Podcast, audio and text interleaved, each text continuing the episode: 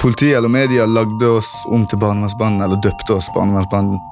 Jeg har ikke bare vært en pusher, jeg har, jeg har vært kriminell. Plutselig bestemte du deg for å slutte, og hvordan klarte du det? På 16-årsdagen sin 15. august 2001 satt 16 år gamle Malik i fengsel for første gang. De neste 15 åra skulle han gå inn og ut av fengsel så mange ganger at han ikke husker hvor mange det er. Eh, Hvordan ble det sånn, og hvordan går det an å komme seg ut av det? Hei, Malik. Hei. Hallo. Du, Kan ikke du fortelle litt om oppveksten din først?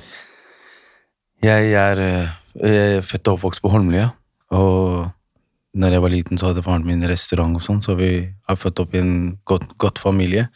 Gikk på skole og he, Holmlia, Hallagerbakken skole til å starte med, Holmlia ungdomsskole, og senere utallige mange videregående som jeg aldri fullførte. Når jeg var yngre, så husker jeg at det var en stund jeg var eh, veldig tjukk ut, og da pleide jeg å bli veldig ofte mobbet. Den mobbingen eh, var mesteparten av tiden bare på skolen. Og jeg ville ikke være så mye på skolen, jeg hengte heller på restauranten til faren min. Og der pleide det å være noen gjengmedlemmer som pleide å komme, som var veldig omtalt rundt omkring, kjent som B-gjengen. Han ene ble veldig god venn med meg. Han var ikke så mye eldre enn meg, men han var kjempekul, og vi ble veldig gode venner. Han var venn av egentlig en som jobba i restauranten der. Og den mobbingen og den ikke-tilhørigheten på skolen og den tilhørigheten på restauranten der nede, det ble ikke vanskelig valg lenger hvor jeg ville henge mest. Så gikk det litt tid, så begynte jeg å føle at jeg var litt kul, jeg òg.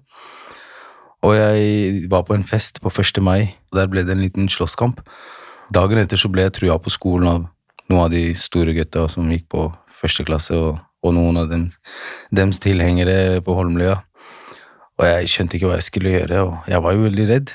Tenkte jeg, ok, vet du hva, Så var det han på restauranten til faren min, han som pleide å komme dit noen ganger.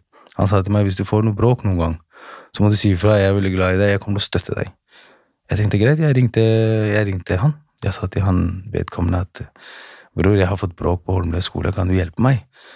Og når han kom på skolen, så ble veldig mange de unge de ble redd. De løp hver sin vei. Fordi han som var eldre, kom og stumpa røyken i hånda si med den andre hånda. Det var jo litt skummelt for oss unge. så jeg tenkte ok, jeg er kongen på haugen. Og jeg ble kasta ut av ungdomsskolen. Det står på papiret på ungdomsskolen at Awais Malik ble kasta ut av skolen fordi han tilkalte B-gjengen på skolen. Og jeg fikk fem dager fri, og de fem dagene brukte jeg godt på restauranten til faren min sammen med han andre. det gjorde jeg. Der starta den lange, forferdelige ferden med en god start, da. Men eh, sånn, sånn starta det for meg, og jeg fant skikkelig god tilhørighet. Jeg var veldig god skoleflink elev, men jeg så ikke noe interesse i det lenger, fordi det var ikke der jeg trivdes. Der jeg trivdes, trengte jeg ikke noe kompetanse. Det var liksom ikke noe valuta, det å være flink på skolen, og det ga deg ikke noe, det ga deg ikke noe venner, og det ga deg ikke noe, noen ting, på en Nei, måte. det var ikke det. Mm. Du nevnte det der med at de var så kule de, de, på restauranten der. Ja. Var det en viktig ting, eller var det det at du plutselig var velkommen hos noen, eller hvilke ting var det som gjorde at du, du på en måte landa i den eh, Det som er, sant, det er at du fikk aldri høre hva som er dårlig med deg. De hadde alltid noe funnet for deg hva du skulle gjøre. Det trengte du bare gjøre, bare noen småting. Selv om du var tjukk, du var velkommen. Noen var eldgamle, holdt jeg på å si. Noen var, jeg var veldig ung. På Holmlia så var det bare folk som skulle plage oss, fordi vi var vanlige skolegutter, men det begynte å forandre seg. Når det forandret seg, det var på grunn av at jeg oppsøkte de nye miljøene som aksepterte meg. Så plutselig så hadde jeg venner. Du gikk, du gikk liksom fra at det var, det var liksom ikke, no, ikke noe flokk i det hele tatt, Yes. og så fikk du en flokk hvor, hvor de var kule, Ja. eh, hvor du fikk mening med livet. Det, liksom, Du har noe Ja. å tilby. Du fikk på en måte anerkjennelse fra folk rundt deg og Helt ble riktig. bedre likt. Og, så det var liksom den pakka, det var liksom var ikke noe å ikke slå til på. Ja, men den med anerkjennelsen, den blir aldri ferdig. Det blir splitter i gjenger, du velger sider, du glemmer gamle venner, du er fiender med gamle, gamle venner, du sitter inne med nye venner.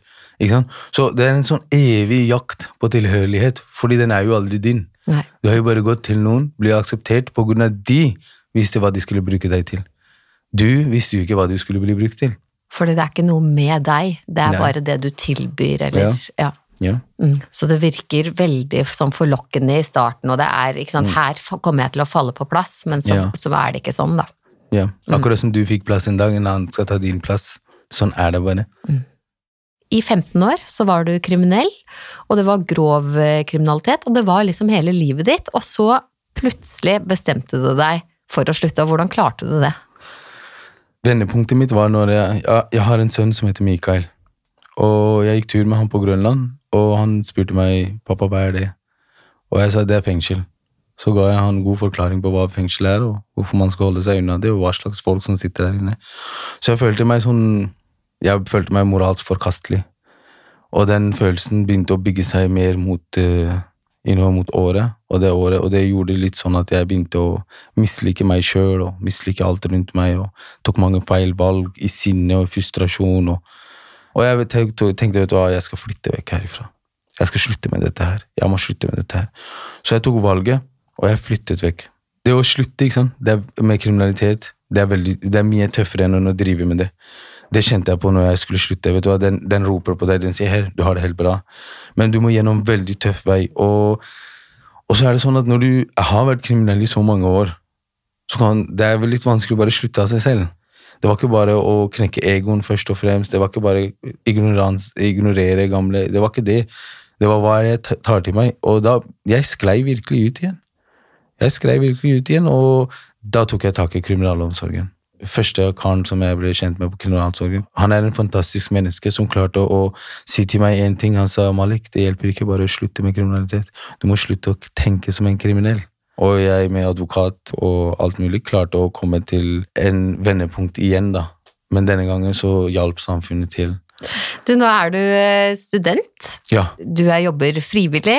Ja. Du har en eh, fin kjæreste. Ja. Føler du deg fortsatt utafor? Nei. Faktisk ikke. Den jakten på evig tilhørighet, den er over. Jeg har ikke bare vært en pusher, jeg har, jeg har vært kriminell. Jeg har gitt folk tilhørighet uten å ha den selv. Men nå har jeg funnet. Nå er jeg liksom, jeg er broren til den jeg er broren til. Jeg er mannen til den jeg er mannen til. Ikke sant? Jeg, liksom, jeg føler at jeg har et kjærlighetsfullt liv med fred. Jeg er student. Jeg har en oppgave i samfunnet når jeg er ferdig som student. Jeg trenger ikke lete etter tilhørighet.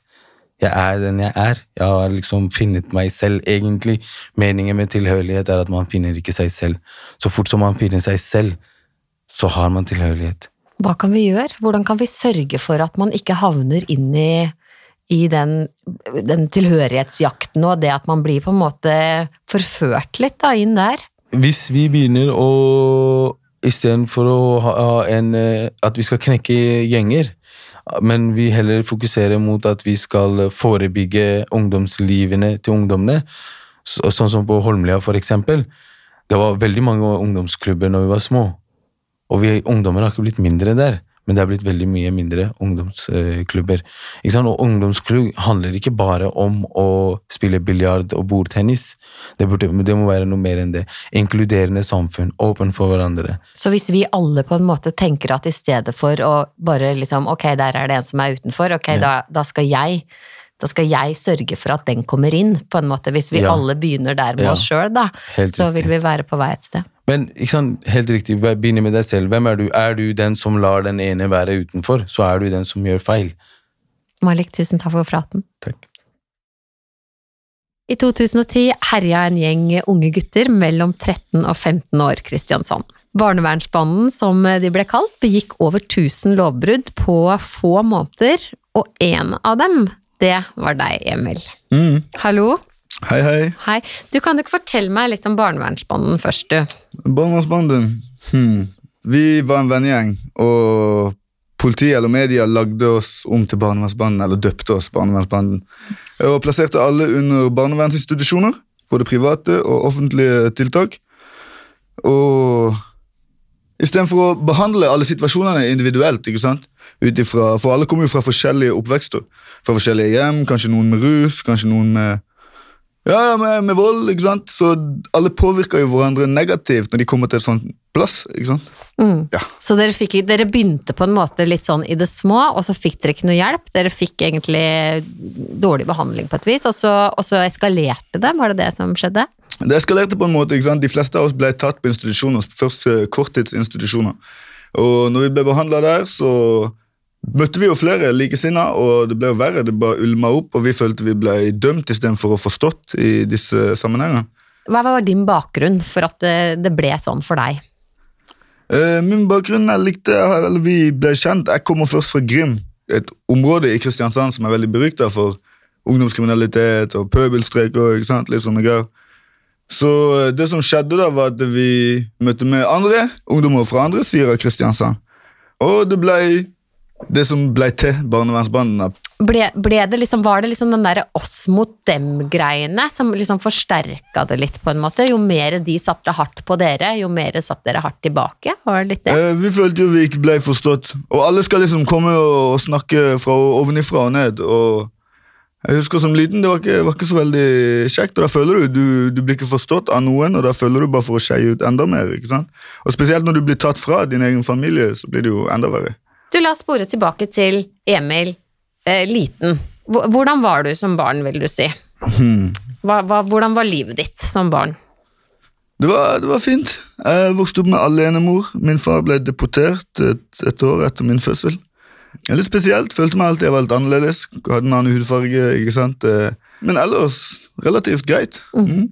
Faren din var fra Belize. Fra Belize, riktig. Ja, han eh, var eh, litt på kant på loven, og det var det som gjorde at han ble deportert. Det ble vel litt eh, kulturkrasj for han. Han hadde hatt en trøblete bakgrunn, og så kom han, eller ja, så han endte opp i mye slåsskamper, rett og slett. Og var glad i å slåss. Ja.